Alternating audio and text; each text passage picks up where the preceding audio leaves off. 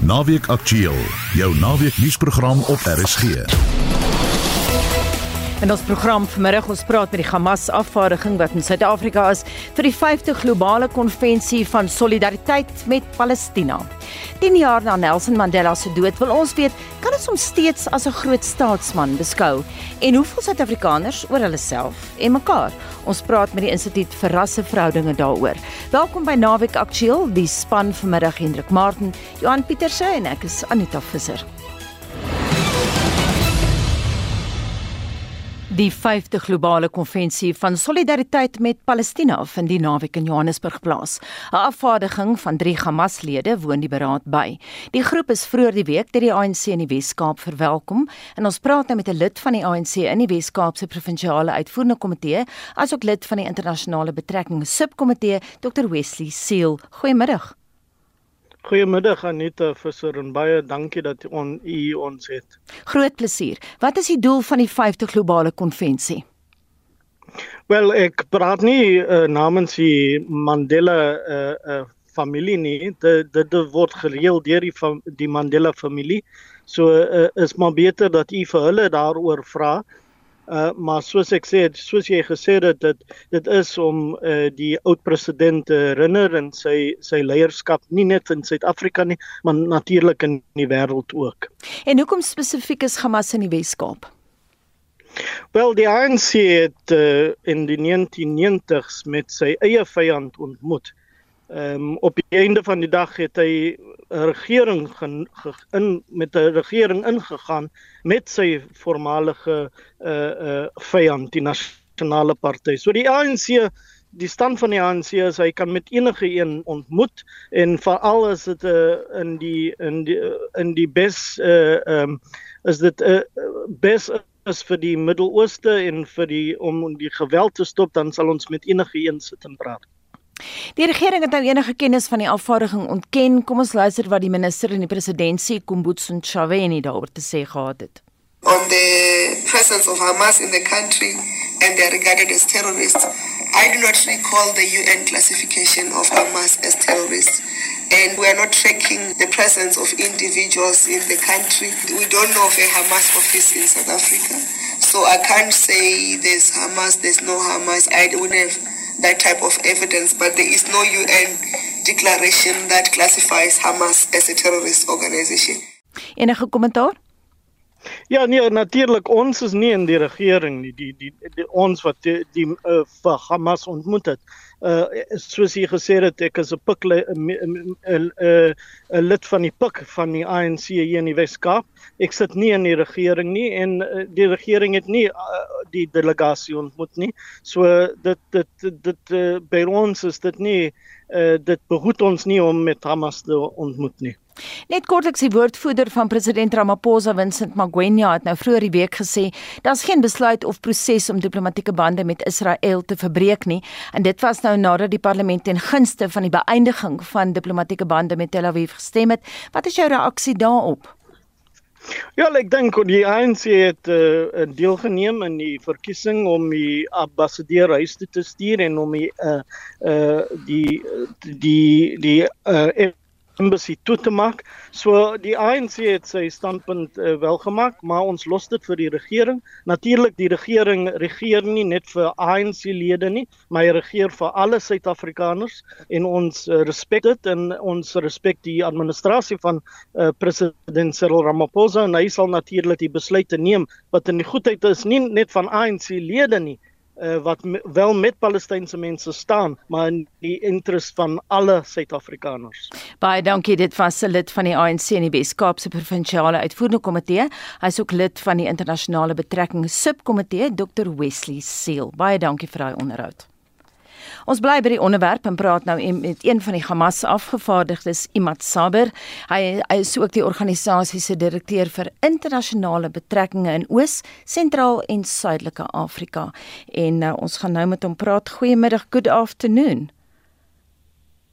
Imad Saber, good afternoon. Yes, good afternoon. Good afternoon. Uh, welcome to South Africa. Uh, how would you describe your relations with the ANC? Uh, actually, uh, we have a good relations with uh, with ANC as uh, a, a movement, as a, a, a, liberation movement, a national liberation movement. We have a good relations with all um, like parties or uh, um, a movement, liberation movements around the world, and ANC one of the important, most important uh, one of, of the world also. Of course, this is historical relations you have with the ANC. Yes, we, we, we have uh, relation. It was uh, there, uh, there was a visit from uh, uh, at that time head of the movement uh, Khalid Mishal to South Africa, and he met uh, the president of ANC at that time. Mm-hmm. Mr. Saber, what do you expect from the Fifth Palestine Solidarity Convention? Actually, um, we are looking for support from the the people to to what's happening on the ground in Palestine because there's a genocide happening now. Uh, from yesterday, there is more than 200 civilians Palestinians killed by Israelis. So we are looking for support from the people around the world. We we have to share our uh, suffering, our people suffering on the ground with people. So it's very important to us to show uh, what's happening on the ground because there is there is uh, no uh, you can't see everything in the media. Of course, there are two sides to every story. You have huge international support. One just has to look at the uh, UN and how countries vote there. But how do you personally, Mr. Saber, how do you see the solution to this conflict with Israel? People talk about the two, two state solution. Some people say it can't work. What do you think can work?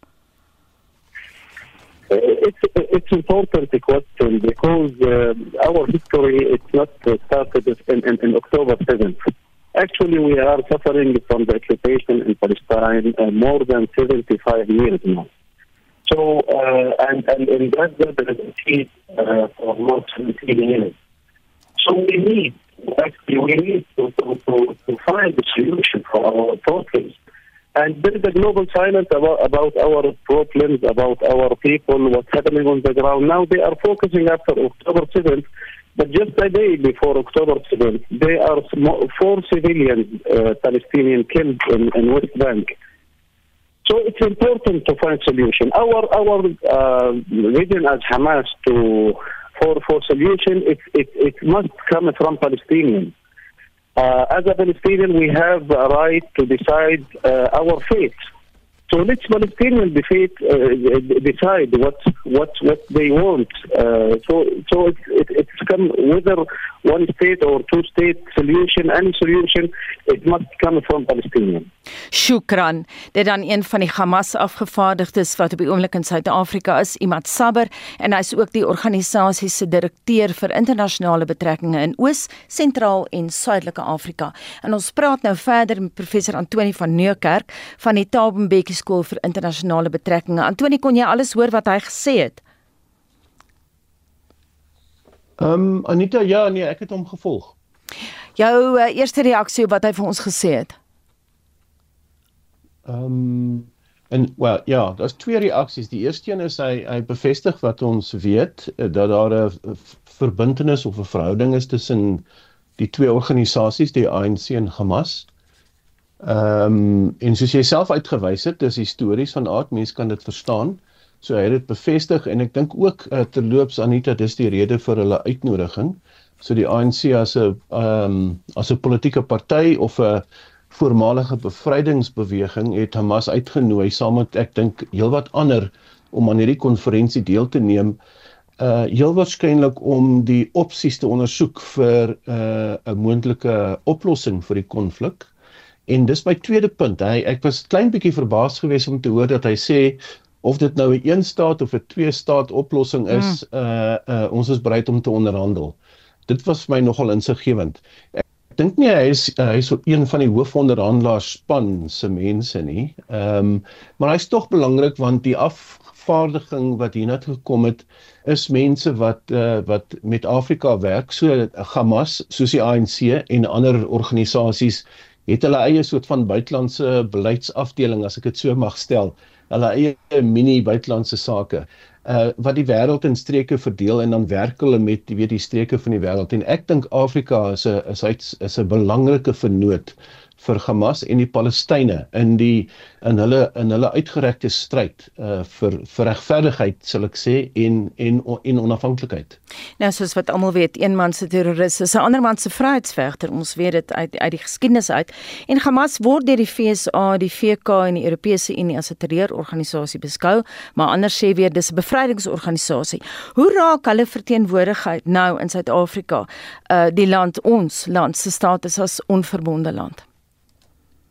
Ja, ek het die minister dit hoor sê en uh, en baie lande van die van die onverbonde beweging in die globale suide of in die ontwikkelende wêreld as jy wil, uh, neem 'n soortgelyke standpunt in.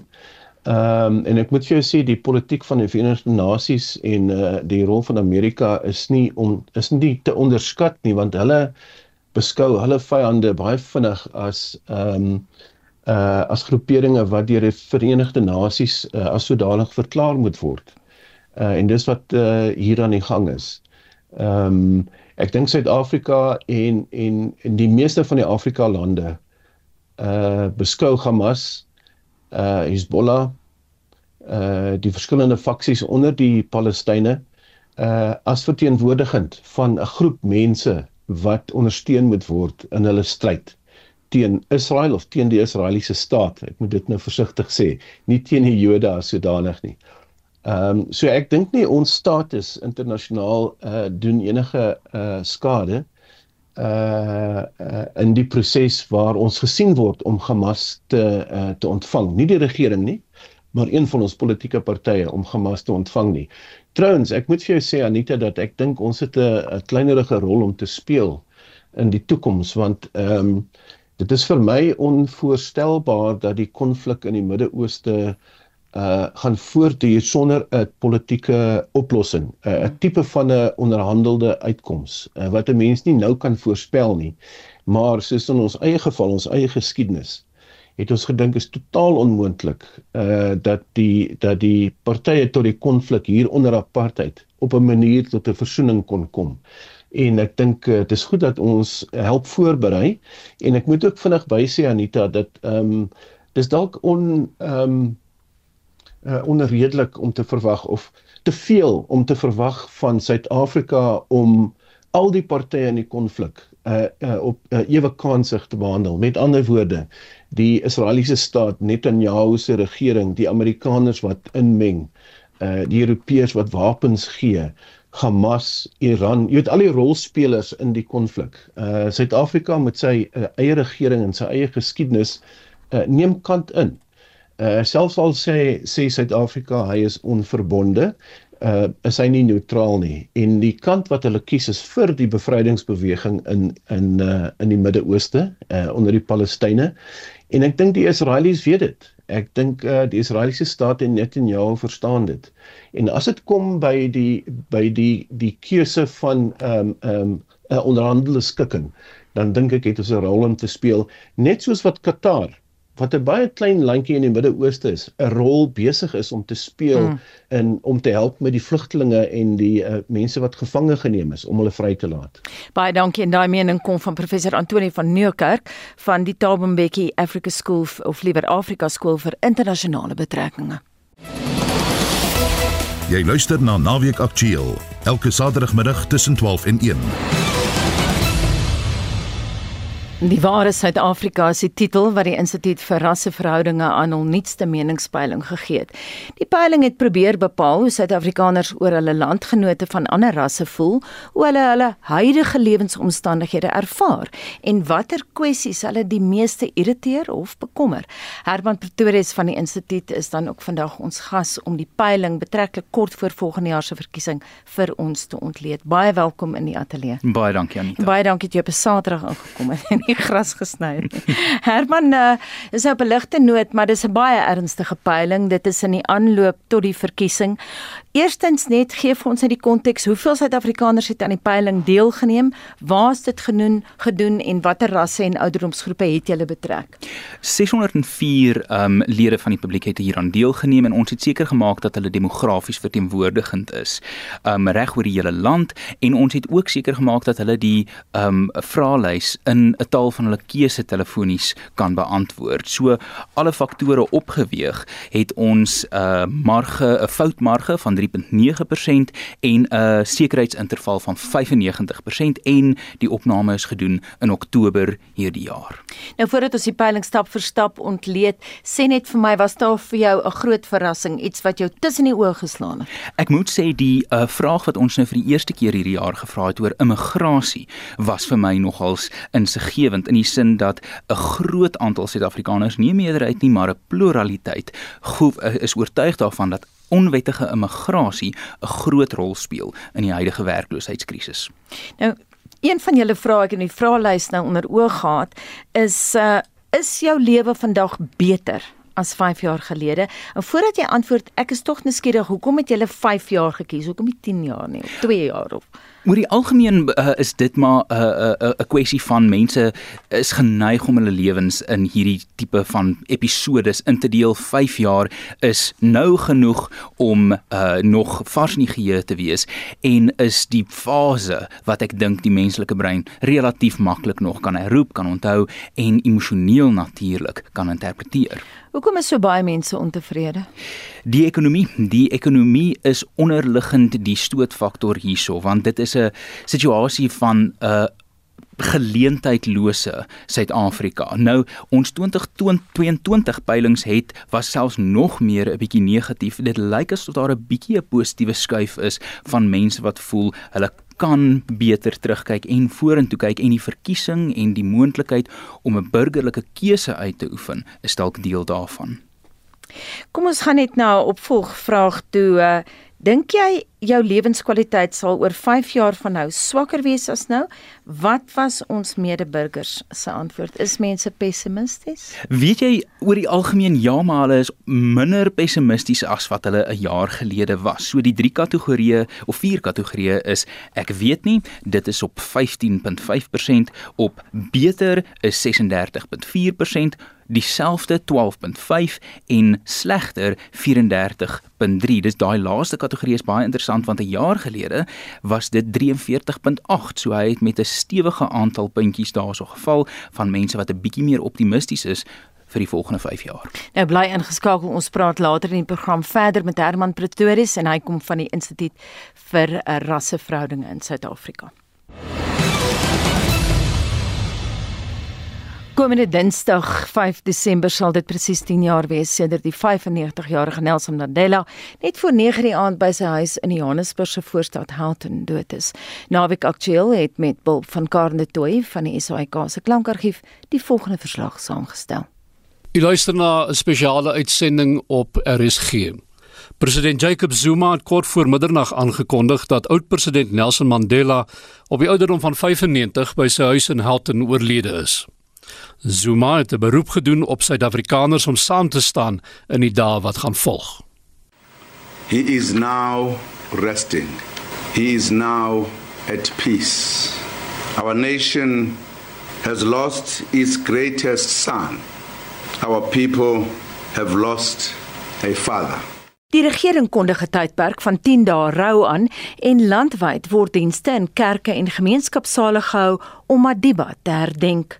Op 10 Desember 2013 sit die FNB stadion by Soweto ten spyte van gure weer byna volgepak vir 'n gedenkdiens en van 11 tot 13 Desember lê Suid-Afrika se oud-president in staatsie by die Uniegebou in Pretoria. Kollega Susan Paxton kom op 11 Desember na die Monitor Ateljee om te vertel hoe sy die gebeure daar ervaar het. Dis 12 met oor 6 Suid-Afrikaners sal vandag weer die kans kry om verby Madiba se kus te loop om hulle laaste eerbetoon te bewys. Susan Paxton was gister by die Unie gebou toe die kus vir die eerste keer in die besigtigingsvertrek geplaas is en sy het self ook later in die tou gestaan om Madiba te groet en ons gesels nou met haar. Uh, jy sit by my in die ateljee, is goed om jou terug te sien. Susan, uh, jy kon eintlik verby die kus loop geskiedkundig eerste keer dat dit in Suid-Afrika gebeur, né? Anita, ek sien jy vra die vraag met sulke groot oë wat blink. Dit was inderdaad 'n voorreg om daar te kon verbyloop. Sien ek trane kry, baie emosioneel geweest. Ehm um, ek dink vir meeste mense wat daar was. Hmm. Ehm um, soldate. Mense wat salieer langs sy kus. Toe ek instap was daar ou oom wat in Khoza gestaan en praat het. Die veiligheidswagte wou hom wegvat. Maar Mandla Madiba die hele tyd daar gesit op 'n stoel by die kus. En net met 'n kopknik het hy die hmm. mense weggewys en die oom laat klaar praat. En dit was fantasties om te sien en om so iets te beleef. Kyk, dit is baie emosioneel om iemand te sien lê in 'n kus ook. Dit is opvallend om te sien mense kom in met busse en hulle sing en jy kan hoor hulle sing onder in die straat terwyl hulle wag. Mm. En sodra hulle daar kom, is daar hierdie gewyde stilte. En as hulle daar uitloop, is dit stilte. Jy's jy's absoluut net verbuister oor hierdie mense wat hier lê. Dit is dit is ehm um, dit was dit was aangrypend emosioneel uitputtende dag. Amanda! Greet you all in the name of peace. Never and never again shall it be that this beautiful land will again experience the oppression of one by another. Die luister na 'n spesiale uitsending van die SAIK ter nagedagtenis aan oud-president Nelson Mandela. Oud-president Mandela het groot respek gehad vir die afgestorwe veteraanpolitikus Helen Suzman. Sy was die enigste parlementslid wat onder die apartheidsbestel belang gestel het in Suid-Afrika se politieke gevangenes. Mandela en Suzman het mekaar vir die eerste keer in 1967 ontmoet toe sy haar parlementêre privilegie gebruik het om die toestande op Robben Eiland te inspekteer. Suzman het haar eerste indrukke van Mandela in 'n onderhoud met Radio Diaries in Amerika herroep kort voor haar dood in 2009. I knew he was a black resistance leader. I had heard and read a lot about him. And when I went, I was happily surprised to find what a good man he was, an excellent man. Wonderful bearing, very dignified. He gave me all the information I wanted, and we really became quite friendly. Van dwars oor die Suid-Afrikaanse spektrum stroom die huldeblyke in. Ons in Orania het ook die voorreg gehad dat hy ons gemeenskap in die 90er jare besoek het en daarom was daar 'n oop en goeie verhouding tussen ons en hom gewees, 'n verhouding waar hy verseker ons posisie binne Suid-Afrika erken het. Dit is nou 'n tyd waarin ons juis daardie rol wat hy gespeel het, oor moet besin, maar waar ons ook ernstige lesse as Suid-Afrika moet neem uit. Suid-Afrika is op hierdie stadium by 'n redelike kruispunt. Aldus Jakob Kleinhans, destyds woordvoerder van Urania. Vanuit die moslemgemeenskap lewer Dr Imtiaz Suliman van Gift of the Givers sy insette. To me it's a great loss of a great man, a man who showed no anger, no vindictiveness, who was embracing even to people who incarcerated him. He showed love, he showed leadership, he showed character, he showed value. Die golfspeler Gary Player vertel op sy beurt aan Pieter van der Berg hoe hy Madiba se spitsvondige kant ervaar het. Gary, daar was 'n baie interessante geval toe jy en hy mekaar op 'n dag ontmoet het wat hy gesê het toe hy jou sien. ja, ons uh, het die uh, ons liefdadige dag daar op baan deelgeneem en dit was ek moes hom ontmoet in die helikopter. Toe maak ek die deure oop en ek het hom baie goed geken. Hy was so nederig. Toe die deure oop waai sê hy, "Gary, do you remember me?" Elke keer toe ek saam met hom was, het ek altyd probeer om nie te huil nie, want dit gaan deur jou kop dat al daai jare in tronk. Hoekom? There is no doubt that Mr Mandela had played a vital role moving over from the old to the new dispensation, notwithstanding the fact that he had been jailed for virtually 27 years. Generaal Konstant Viljoen se sentiment oor Madiba is verder gevoer deur die politieke wetenskaplike professor Dirk Coetzee van Unisa.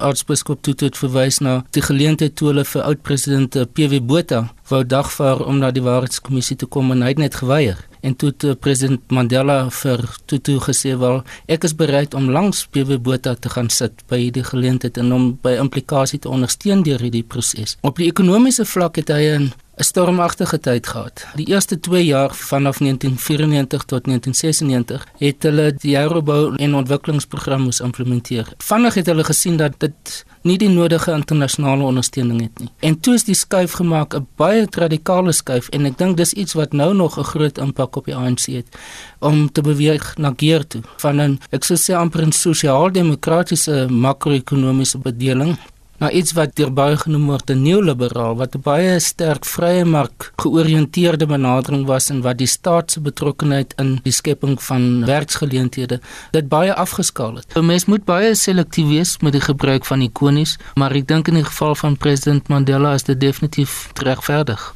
Intussen gee RSG deurlopend dekking aan die dood van die land se bekendste staatsman, sodra monitor ook by. Baie Suid-Afrikaners kla dat hulle foos geluister is aan huldeblyke aan president Nelson Mandela wat donderdag aand dood is. Hulle voel dat die baie oor sy staatsbegrafnis en die baie wye media-dekking onnodig is. In ons gesels nou hieroor met die bekende dramaturg en skrywer Dr PG Du Plessis. Goeiemôre PG. Baie wit Suid-Afrikaners het in apartheid geglo en het dit moeilik gevind om die aanpassing te maak na 'n nuwe Suid-Afrika. En ons het ook oor die naweek op ons SMS-lyn gesien dat baie van ons luisteraars het gesê, "Maar verdien Madiba nou hierdie soort van verering maak ons van hom 'n afgod."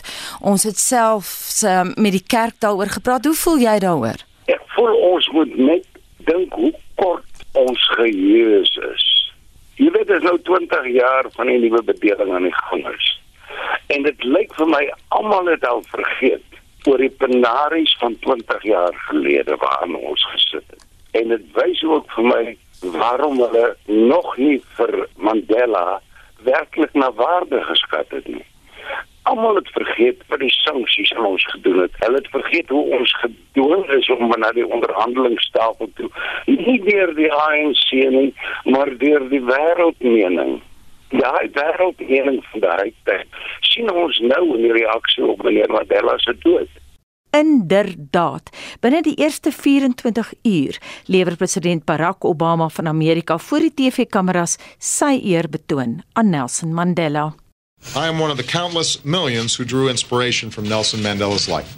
The day he was released from prison gave me a sense of what human beings can do when they're guided by their hopes and not by their fears. Steeds stroom die huldeblyke in vanuit Nigerië, Ghana, Frankryk, Brasilië, Swede, Ierland, Brittanje. En die reaksie word deur allerlei nuusmedia aan die spreekwoordelike groot klok gehang. Voor die Withuis in Washington en Downing Street nommer 10 in Londen hang die vla halfstok. Maar die lekkerste verhale oor Madiba en sy invloed kom van sy landgenote.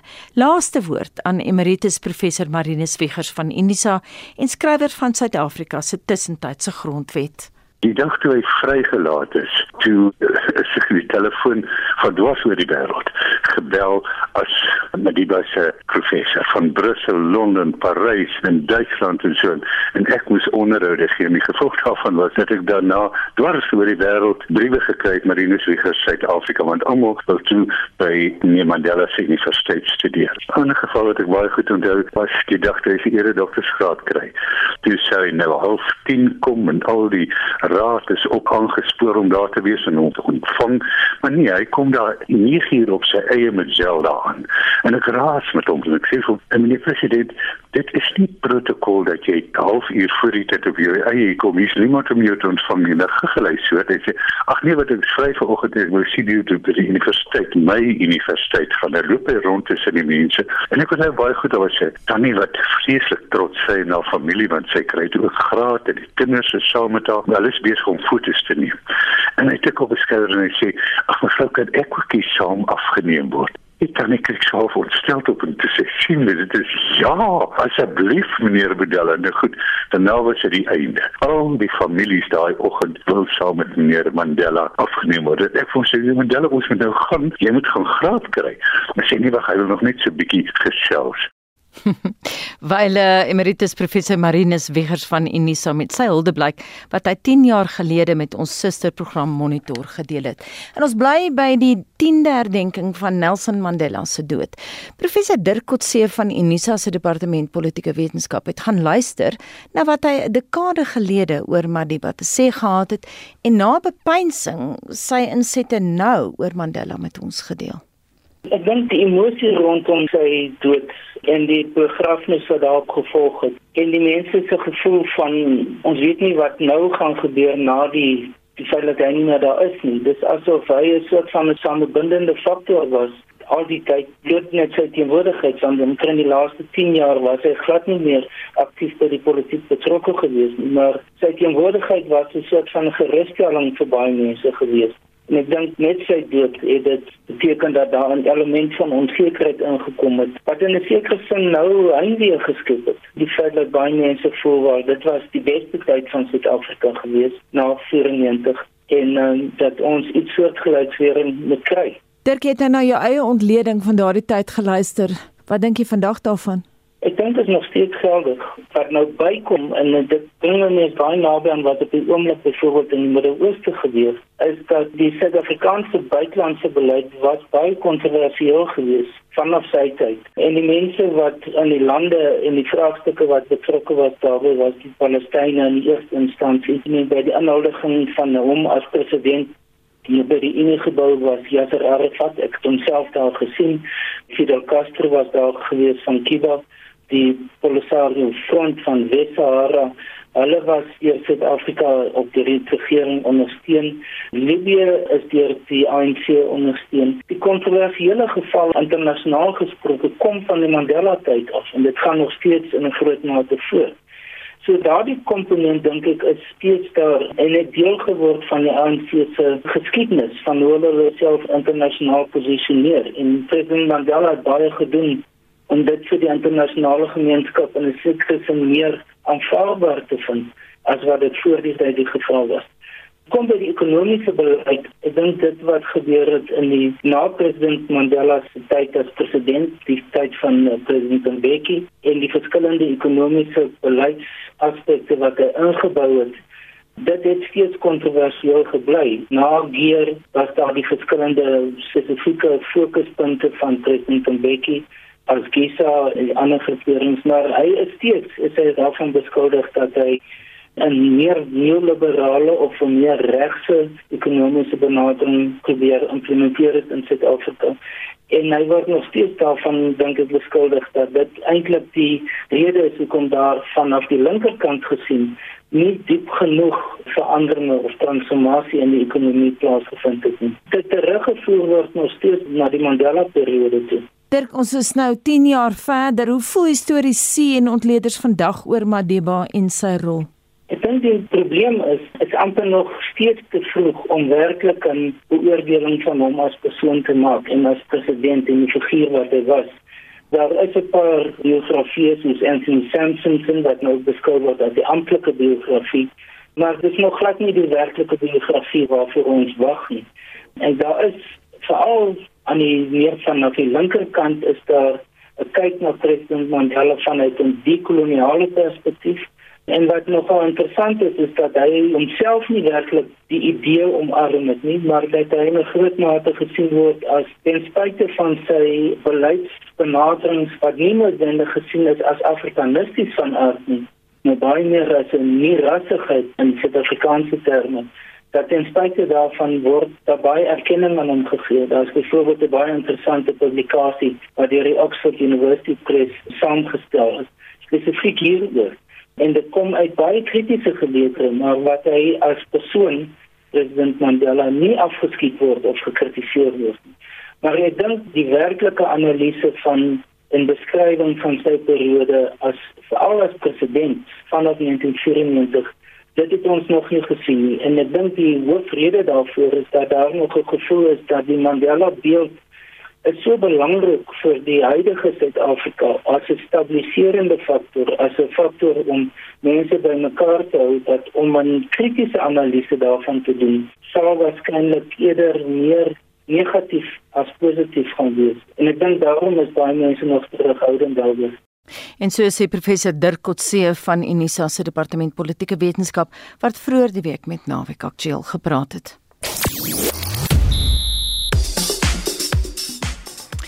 Die 2023-24 Wêreld Sewees reeks het vanoggend in Dubai begin en heelwat boksspelers is ook vandag aan die Verenigde Rugby Kampioenskap in aksie en Shaun Juste het vir ons meer daaroor Shaun. Goeiemôre uh, Anita. En ja, die Blitsbokke is ook op soek na hulle vyfde agtereenvolgende Dubai titel. Hulle begin met 'n 22-14 sege oor Samoa. Hulle speel net voor 1 teen Kanada en vanaand so rondom 6:44 teen Nieu-Seeland. Ons vroue span het naalskrap 19-14 teen Nieu-Seeland verloor nadat hulle rustyd 14-5 voor was van die Seeland druk die Wendry in die doodsnike van die wedstryd. Dieselfde gebeur toe in die kragmeting teen Fiji. Suid-Afrika verloor 21-17. Nou die laaste groepswedstryd is vanmiddag so 13 minute oor 3 teen Groot-Brittanje. Dan in die Verenigde Rugby Kampioenskap meer die Bulls vanmiddag 3 uur op Loftus in Pretoria teen die Sharks kragte. Die Bokvleuels, Kainan Moody en Gutly Arendse maak hulle terugkeer tot die beginspan en vir die Sharks is Appie with the Anti op regtervleuel ingesluit. Die Lions draf kort na 5 op Emirates Airline Park in Johannesburg teen die Dragons op die veld uit en die Stormers speel kwart oor 7 op die Dani Kruiven Stadion in Stellenbosch teen Zebre Parma. Dion Fourie, Mani Lebok en Damian Willemse is in die beginspan ingesluit. Nou die halfeindronde in die Kaling Uitklopbeker word ook die naweek beslis son. Ja, vanmiddag 3 uur kom Richards Bay teen uh, Stellenbosch FC te staan en môremiddag 3 uur AmaZulu teen AmaZulu teen TS Galaxy te staan. Met dieselfde tyd is nou vanmiddag 3 uur stakel Mamelodi Sundowns en TP Mazembe mekaar in die DRK in die Afrika Kampioenligga en dan so 'n paar van die groter wedstryde in die Engelse Premier Liga is vanaand 10 uur Newcastle United teen Manchester United, môremiddag 4 uur Chelsea teen Brighton and Hove Albion en dan half 7 Manchester City teen Tottenham Hotspur oorwinnings vir Indië en Bangladesh op die cricketveld en die vroue Protea span is môre op die veld of hoe? Ja, en dit Australië gister in die voorlaaste wedstryd van hulle T20 reeks met 20 lopies getroof en daarmee ook die reeks beklink. Hulle het 3-1 voor met een wedstryd wat oorbly. En Bangladesh het Nieu-Seeland in hulle eerste toets met 150 lopies uitoorlê. En kan dus nie meer die reeks verloor nie, maar kan wel nog skoonskip in die reeks maak met 'n oorwinning in die tweede en laaste toets. En ja, ons vroue Protea span begin hulle tuis T20 reeks teen Bangladesh môremiddag 2 uur op Willowmore Park in in Noli. Kom ons bly by die vroue. Die vroue junior hokkie wêreldbeker toernooi is in Chili aan die gang. Ja, en ongelukkig uh, Suid-Afrika speel in 'n laaste groepwedstryd teen Australië. Nou hulle is ongelukkig laaste in groep A na twee nederlae. Dit was teen Chili en teen Nederland gewees. Nou ek dink die beste waarvoor uh, die Suid-Afrikaners nou kan hoop is waarskynlik om 13de in die toernooi te eindig. En die man wat ons daar op hoogte gebring het van sportgebeure is Shaun Jooste. Die toekoms van Suid-Afrika se motoraanlegte is in die weegskaal indien die regering nie sy sokkies optrek nie en so berig Wes op Pretoria in ons weeklikse motorrubriek.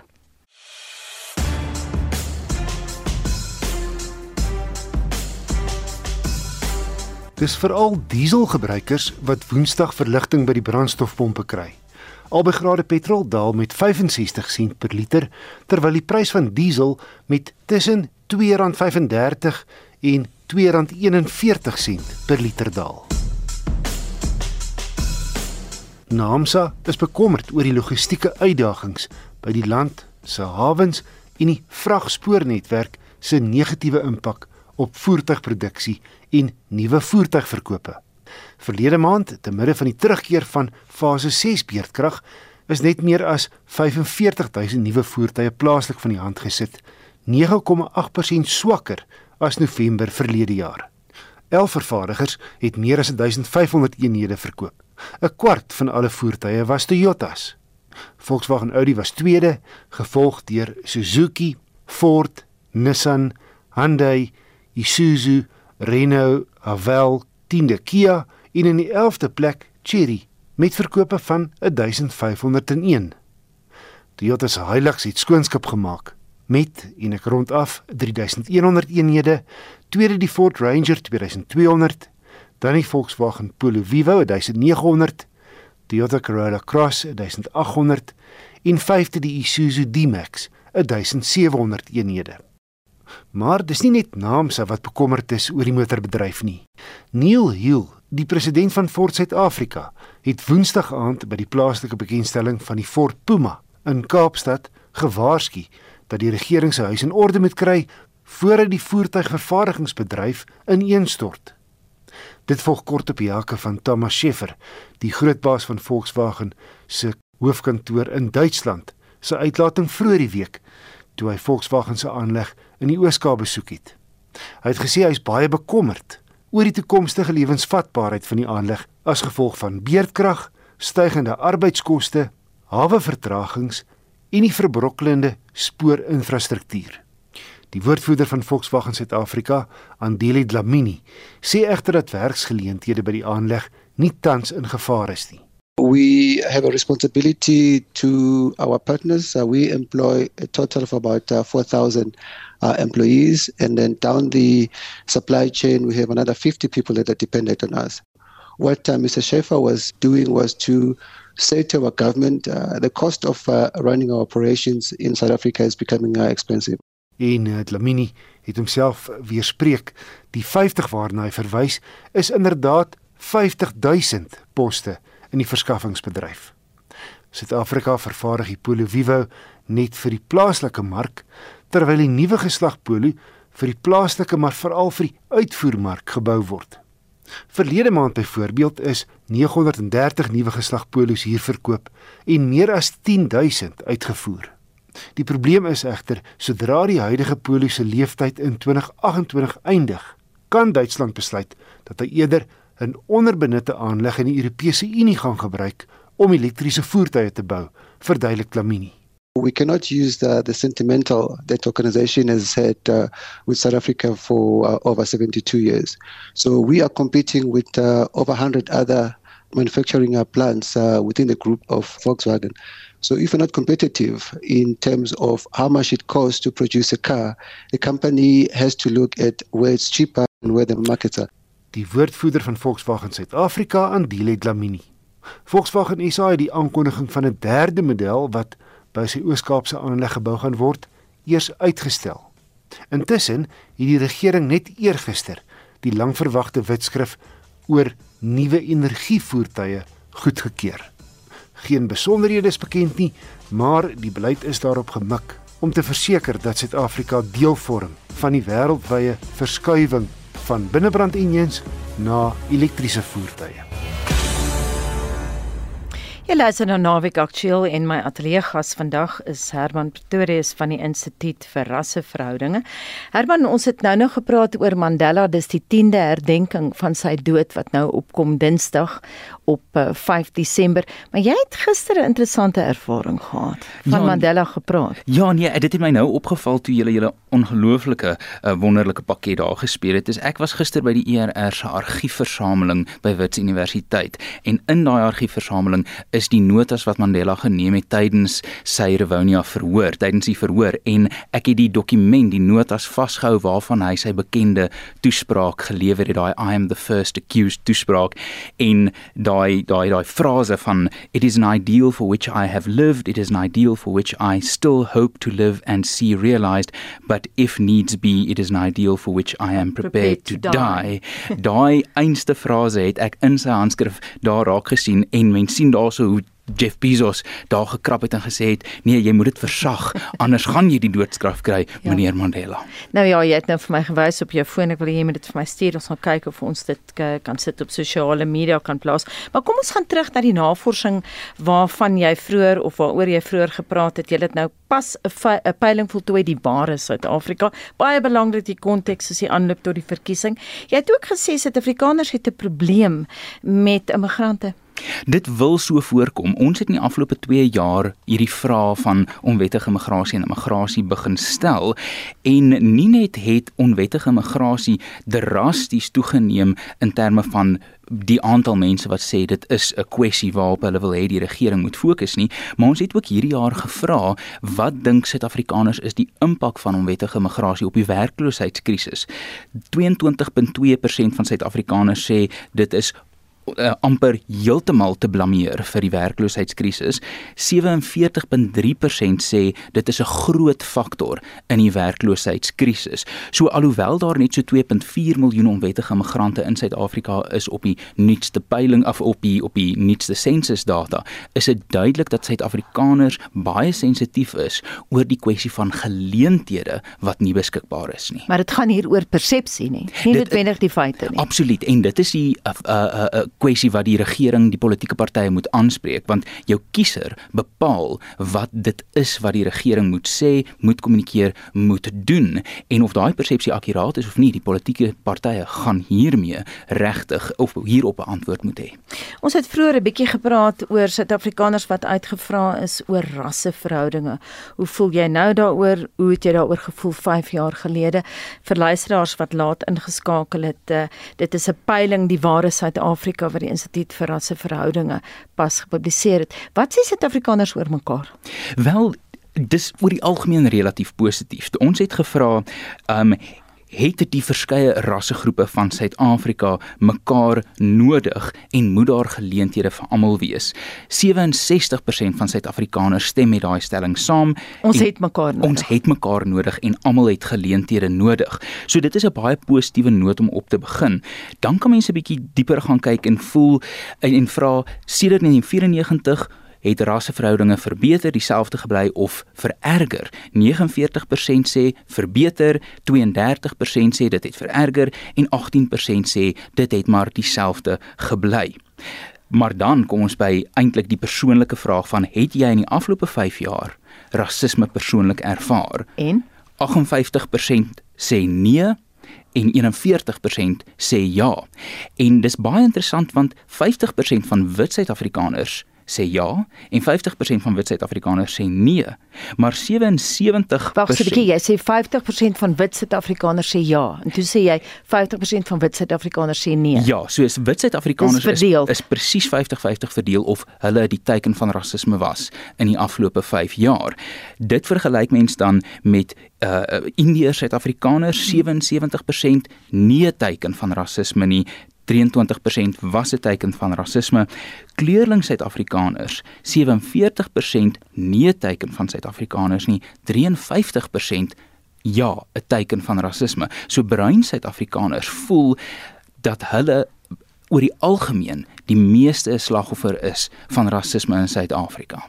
Het hulle 'n bietjie uitgebrei oor insidente of was daar nie plek in julle peiling daarvoor? Ongelukkig nie plek daarvoor nie, maar mens kan amper sien veral as mens dink dat bruin Suid-Afrikaners meestal in die Wes-Kaap is, daar is baie spanning oor uh, veral swart Suid-Afrikaners wat uit die Oos-Kaap uitkom en dan baie bruin gemeenskappe gegrief voel oor die feit dat behuising, skoling, geleenthede gebied word aan daai mense en dat die bruin Suid-Afrikaners dalk aan die kortste end trek. Baie interessant, ons het baie bruin luisteraars, so hulle voel 'n bietjie uitgeslote. Dit wil definitief uitgesluit en hulle ervaar rasisme die meeste. Wat was daai syfer? Dit was 47% van bruin Suid-Afrikaners sê nie die teken van rasisme in die afgelope 5 jaar nie, maar 53% 'n meerderheid sê het hulle ervaar. het dit ervaar en dis die ou gesegde, hulle was te swart vir die nasionale party en dalk te wit vir die ANC. Sê vir my Herman, het hulle gesê van watter groep hulle dit ervaar het of nie? Nee, maar ons sien hierdie getal oor die afgelope paar jaar al opkruip en ek dink die ANC het homself nie gehelp met onlangse sprake van rasse kwotas wanneer dit kom by werksgeleenthede wat veral bruin Suid-Afrikaners dalk die meeste sal raak nie.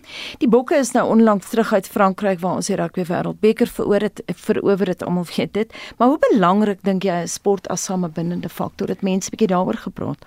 Weet jy mense hoef nie terug te dink aan hoe Nelson Mandela die 95 wêreldbeker kwessie benader het en ek dink die daar's 'n direkte lyn van politieke insig van Mandela na Siya Kolisi as die eerste Suid-Afrikaanse Mm. kaptein om daai William Webb Ellis trofee twee keer op te tel en Suid-Afrikaners het 'n baie baie uh, uh, uh, samehorigheid rondom die vraag van sport. Ons het vir hulle gevra, dink jy Suid-Afrikaanse sportspanne moet op meriete of rassekwotas gekies word? 90% van Suid-Afrikaners sê meriete. O. En as ons dit volgens rasgroepe afbreek, dan sien ons 89% van swart Suid-Afrikaners sê meriete moet die deurslaggewende faktor wees in ons nasionale sportspan. 'n Baie goeie idee om Sia in die nommer 1 posisie te sit. Hy is die kaptein. Hy gaan nou in Frankryk speel dink ek. Ja, nee, en ek ek moet sê sy leierskap Hy is ek dink deel van hierdie nuwe generasie van Suid-Afrikaners wat kan besef dat ja, ons het mekaar nodig. Herman speel klasse rol. Klas speel wel 'n rol. Ons het al gesien in vorige peilings dat armer Suid-Afrikaners van onafhanklik hulle ras meer saamstem en middelklas Suid-Afrikaners veral omdat die swart middelklas nou numeries groter is as die wit middelklas hmm. deel hulle definitief waardestelsels en aspirasies. Nou jy het net nou verwys na die ANC, Herman, uh, ons staan in die aanloop tot 'n uiters belangrike verkiesing waaroor jy 'n boek besig is om te skryf.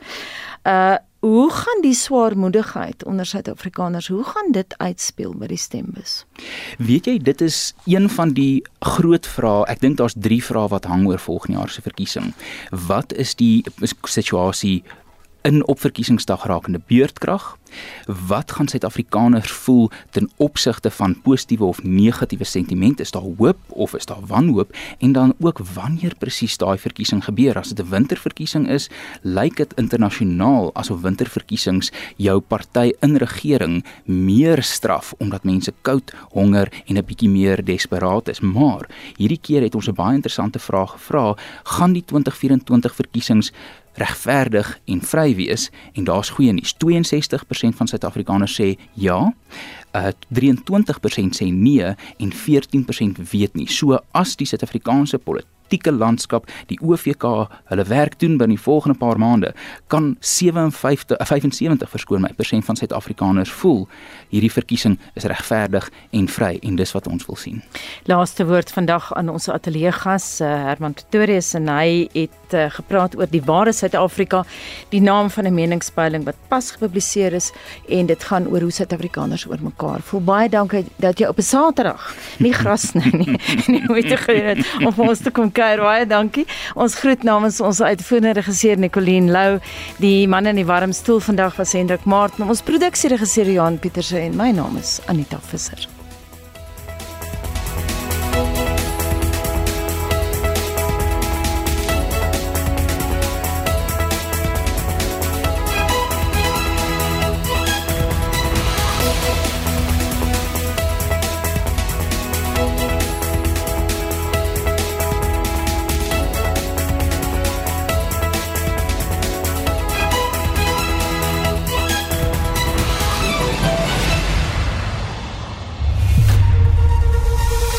SAK nuus. Onafhanklik, onpartydig.